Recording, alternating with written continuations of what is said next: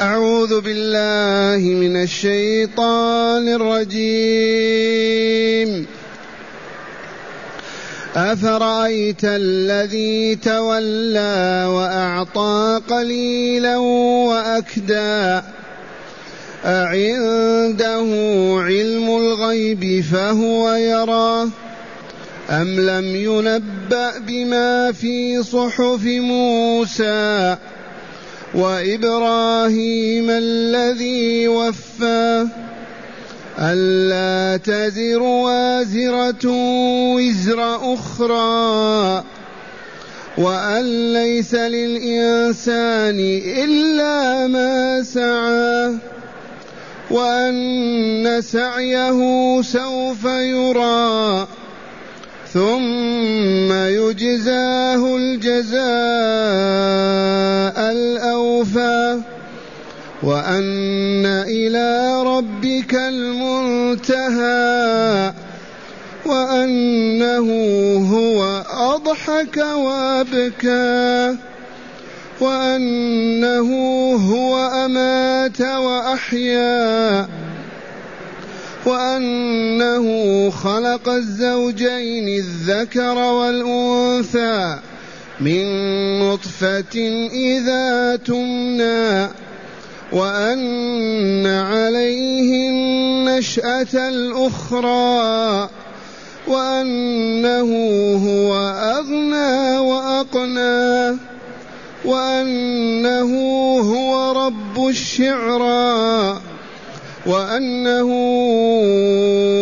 أهلك عادا الأولى وثمود فما أبقى وقوم نوح من قبل إنهم كانوا هم أظلم وأطغى والمؤتفكة أهوى فغشاها ما غشا.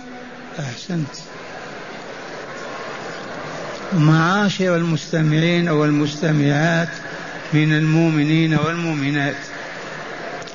قول ربنا جل ذكره أفرأيت الذي تولى وأعطى قليلا وأكدى. أعنده علم الغيب فهو يرى؟ أم لم ينبأ بما في صحف موسى وإبراهيم الذي وفى الآيات؟ لهذه الآيات سبب في نزولها وهو أن الوليد بن المغيرة من طغاة ورجال مكة. سمع من رسول صلى الله عليه وسلم القرآن وهو يقرأ فانجذب ورغب في الإسلام. وأتى النبي صلى الله عليه وسلم وأخبره. ففي الظاهر أسلم. فسمع به أحد شياطين المشركين وطغاتهم فأتاه وقال له كيف تتخلى عن دين المشايخ أو الأشياخ وتخرج عن ملتك وملة آبائك وتتبع هذا الرجل. فقال إني أخاف عذاب النار. إذا ما أسلمت إذا بقيت على الشرك والكفر أعذب في جهنم. فقال له هذا الطاغية أعطيني راتب شهري أو سنوي وأنا أقيك عذاب النار. أنا أعذب بدلك. فجعل له راتب إما أسبوعي أو شهري أو سنوي على أنه يعذب بدله وهو لا يعذب. هنا عرفتم القصة اسمع في الآية. أفرأيت أيها الرسول الكريم يا رسولنا أرأيت الذي تولى الوليد بن المغيرة؟ وأعطى قليلا من المال لأنه رتبه راتب وبعد ذلك مل وكلا قال ما عندي ما نخرج مالي كامل. أعطى قليلا وأكدى وقف كالذي يقف على كدية وهو يحفر. أعطى قليلا وأكدى أعنده علم الغيب فهو يرى هو يعرف أن أن هناك من ينقذ أخاه من نار جهنم. من أين له هذا العلم؟ أم لم ينبأ بما في صحف موسى وإبراهيم الذي وفى؟ صحف إبراهيم وموسى التوراة التوراة بكاملها. أم لم ينبأ بما في صحف موسى أي التوراة؟ وإبراهيم صحف إبراهيم. الذي وفى أما ما أمرها الله بشيء وكلم إلى وفى به. أمره بذبح ولده فقدمه للذبح. أمره بالهجرة فهاجر. أمره ببناء البيت فبناه. ما قص وفى كل ما كان. ولطيفة علمية ناخذ بها من الليلة. ذكر ابن جرير القرطبي في تفسيره. ذكر ابن جرير الطبري في تفسيره أن النبي صلى الله عليه وسلم فسر لأصحابه معنى وفاء إبراهيم إبراهيم الذي وفى. فقال لهم كان إذا غربت الشمس؟ قال فسبحان الله حين تمسون وحين تصبحون وله الحمد في السماوات والأرض وعشيا وحين تظهرون يخرج الحي من الميت ويخرج الميت. من كذلك تخرجون. يقولها في الصباح والمساء. وبهذا لقب بكلمة وفاء. ففي الإمكان أننا نقول هذا من الليلة وبدأنا. إذا مالت الشمس الغروب قبل طلوع غروب الشمس بعدها مع المغرب تقول فسبحان الله حين تمسون وحين تصبحون وله الحمد في السماوات والأرض وعشيا وحين تظهرون يخرج الحي من الميت ويخرج الميت من الحي ويحيي الأرض بعد موتها وكذلك تخرجون. والصبح كذلك إذا طلع الفجر وصليت الصبح قبل ذلك تقولها. فتكون إن شاء الله من أهل الوفاء. وإبراهيم الذي وفى. ألا تزر وازرة وزر أخرى. ألا تزر وازرة وزر أخرى. الوازرة حاملة الوزر. والوزر هو الإثم والذنب والعياذ بالله. عند الله يوم القيامة والله لا تزر وازرة وزر أخرى. لو كانت أمك ما تحمل من ذنبك شيئا لو كان أبوك والله ما يحمل من ذنبك شيئا أبدا لا أم ولا أب ولا عم ولا صديق ولا ولا لا تزر وازرة وزر أخرى أبدا. فهذا الذي ظن أنه لا يعذب بسببه وجعل له راتبا شهريا وبعد مل من ذلك. فأعلم بهذا. لا تزر وازرة وزر أخرى. وأن ليس للإنسان إلا ما سعى قاعدة عامة. ليس لك يا ابن آدم إلا ما عملت.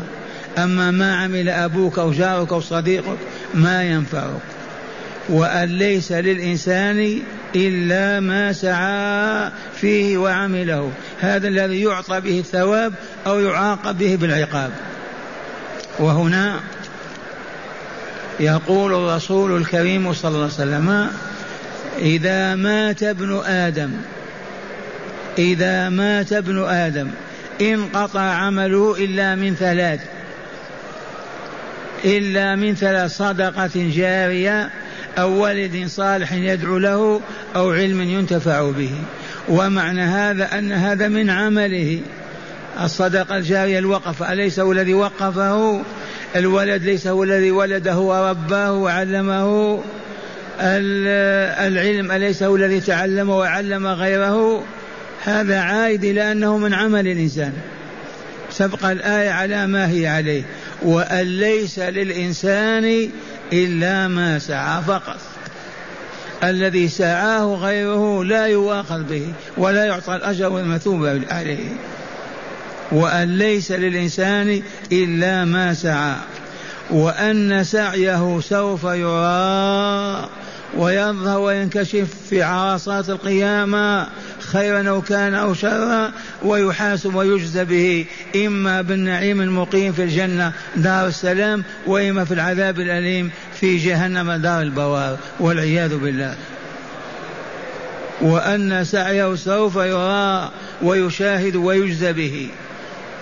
كم صلى من راك محسوبة معدودة كم كلمة قال مكتوبة. وأن سعيه سوف يرى ثم يجزاه الجزاء الأوفى. سوف يريه الله أعماله في عرصات القيامة وسيجزي بها الجزاء الكامل. ما في نقص أبدا. لا ينقصك حسنة ولا يزيد عليك سيئة. ثم يجزاه الجزاء الأوفى الكامل التام. من هذا؟ كل من مات. وأن إلى ربك المنتهى. اعلم هذا يا عبد الله أن نهايتنا عند الله. والله ما هي إلا أيام وساعات. مات فلان وانتقل إلى الله. من ساعة ما يدخل القبر إذا وهو في تلك الحياة ثم يوم القيامة يبعث. وأن إلى ربك يا عبد الله المنتهى ليس إلى غير الله أبدا. فلا بد إذن من أن نشهد لا إله إلا الله وأن محمد رسول الله وأن نعبد الله تعالى بما شرع لنا من أنواع العبادات وبينها لنا رسوله صلى الله عليه وسلم فلا نزيد فيها ولا ننقص منها ولا نقدمها عن وقت ولا نؤخرها لأنها أداة تزكية النفس وتطهيرها أليس كذلك؟ هذه العبادات هي أداة تزكية النفس البشرية وتطهيرها. فإن أنت ما أديتها كما بينها رسول الله ما تنفعك. كالماء ما يغسل ثوبك ولا جسمك أو الصابون. فلا بد وأن نؤدي هذه العبادات التي شرعها الله في كتابه وبينها رسول صلى الله عليه وسلم كما فعلها الرسول صلى الله عليه وسلم. وبذلك تزكو نفوسنا وتطيب وتطهر.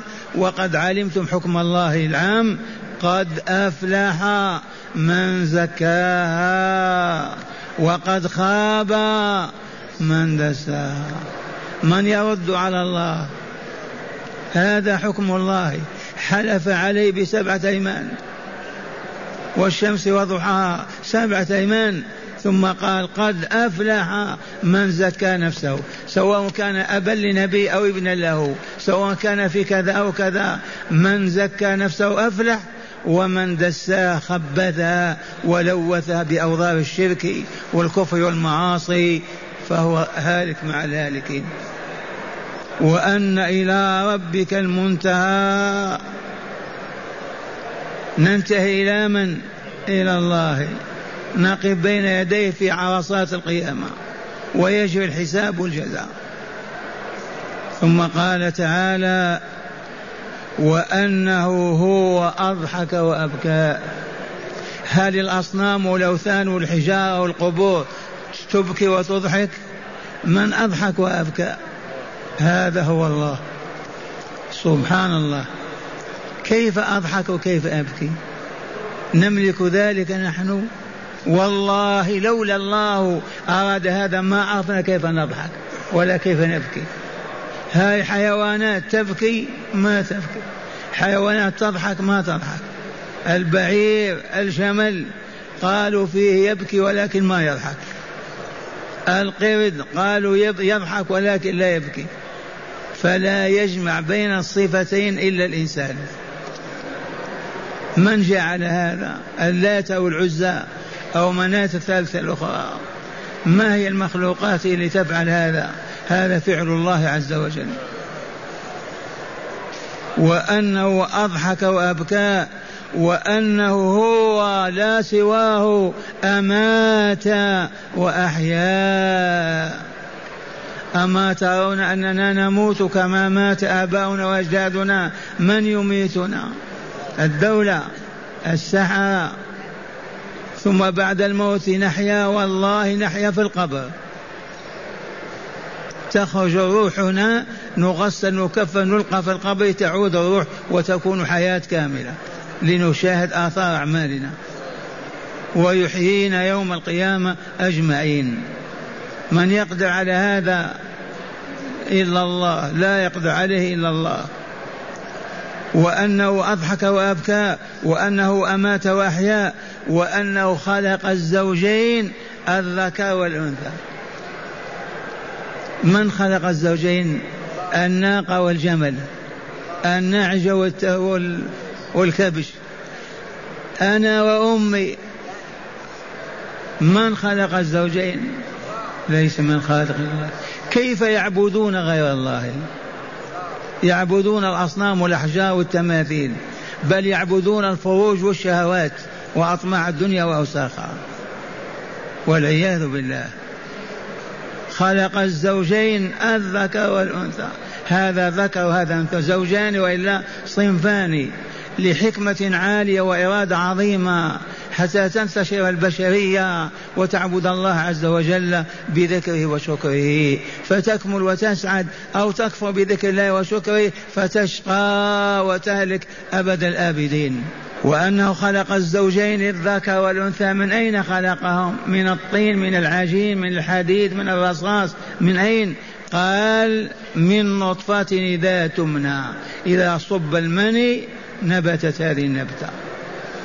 سواء الولد البنت أو أو الولد. من نطفة إذا أمنيت وصبت في الرحم نطفة المني نطفة قطرة. لكن إذا أمنيت وصبت في الرحم كان الولد. وأن عليه النشأة الأخرى. وأن عليه النشأة الأخرى. فيه نشأة ثانية غير الأولى. إيه نعم. هذه الدار الدنيا الدار الأولى وبعدها الدار الآخرة. هذه نشأة وإلا لا. نحن منشأون وإلا لا. مخلوقون وإلا لا. موجودون وإلا لا. من خلقنا من أوجدنا من أنشأنا. هذه النشأة تسمى الأولى وإلى الثانية. الأولى. في نشأة أخرى. إي والله. النشأة الأخرى يوم القيامة. يوم القيامة. يوم تقوم الخليقة كلها للحساب والجزاء. نكتفي بهذا. نسمع بعض هداية الآيات. بسم الله والحمد لله. والصلاة والسلام على خير خلق الله سيدنا ونبينا محمد وعلى آله وصحبه. من هداية هذه الآيات أولا تقرير ربوبية الله تعالى وإثبات ألوهيته بالبراهين والحجج التي لا ترد بحال. من هداية هذه الآيات التي تدارسناها تقرير الربوبية لله والألوهية له ليس لسواه إذ هو خالق كل شيء ومالك كل شيء وبيده كل شيء وهو رب كل شيء كيف يعبد معه غيره؟ والله لا إله إلا الله. لو تطير في السماء توصل ما تبحث عن وجود خالق مع الله والله ما وجدته. حتى البعوضة والنملة. إذا فتقرر أنه لا إله إلا الله. ويجب أن يعبد بما شرع للناس أن يعبدوه. وهذه العبادة ثمرتها لمن؟ تعود على الله. تعالى الله عن ذلك علوا كبيرا. هذه العبادة ثمرتها في الدنيا كمال وطهارة وسعادة ثمرتها في الآخرة الجنة دار الخلد والبقاء الأبدي في النعيم المقيم. ثانيا تقرير عدالة الله تعالى في حكمه وقضائه. تقرير عدالة الله في حكمه وقضائه. إي والله لا أعدل من الله. الله هو العادل والعدل منه فلا ظلم ولا جور ولا حيف أبدا. لما يظلم هو أقوى الأقوياء وبيده كل شيء ويملك كل شيء. لما ما يعدل؟ حاشاه أن يجور ولا يعدل. نعم. ثالثا مظاهر قدرة الله تعالى وعلمه وحكمته. من هداية الآيات مظاهر قدرة الله وعلم وحكمته في هذه الآيات التي ترسلونها هذه الآيات فيها مظاهر تظهر فيها قدرة الله وحكمته وتدبيره في خلقه. رابعا تقرير حقيقة علمية وهي, وهي أن العمل الذي يزكي النفس أو يدنسها هو ذاك الذي يباشره المرء بنفسه وباختياره وقصده ونيته. من هداية هذه الآيات تقرير أن عمل الإنسان هو الذي يزكي نفسه أو يدسيها. عملك يا ابن آدم إن كان عملا صالحا زكى نفسك وطيبها وإن كان عملا فاسدا سيئا هو الذي يدسيها ويخبثها. والعمل الصالح يرحمكم الله من يشرعه من يقننه من يبينه سوى الله.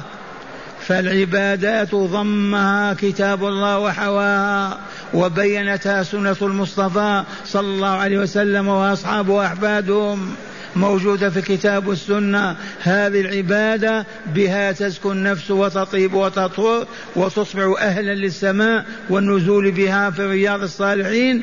وإن عملت بالكفر والفسوق والفجور والشرك والعياذ بالله اسودت وأظلمت وتعفنت وكانت في أسفل سافلين والعياذ بالله. وأخيرا تحذير الظلمة والطغاة من أهل الكفر والشرك من أن يصيبهم ما أصاب غيرهم من الدمار والخسران. تحذير العباد من أهل الشرك والكفر والظلم والشر والفساد. نعم يحذرنا الله أن نأوي إلى المجرمين إلى الفاسقين إلى المشركين الظالمين فإننا لا نعتز بهم ولا ننتصر ولا نراهم أبدا إن أمكننا ذلك.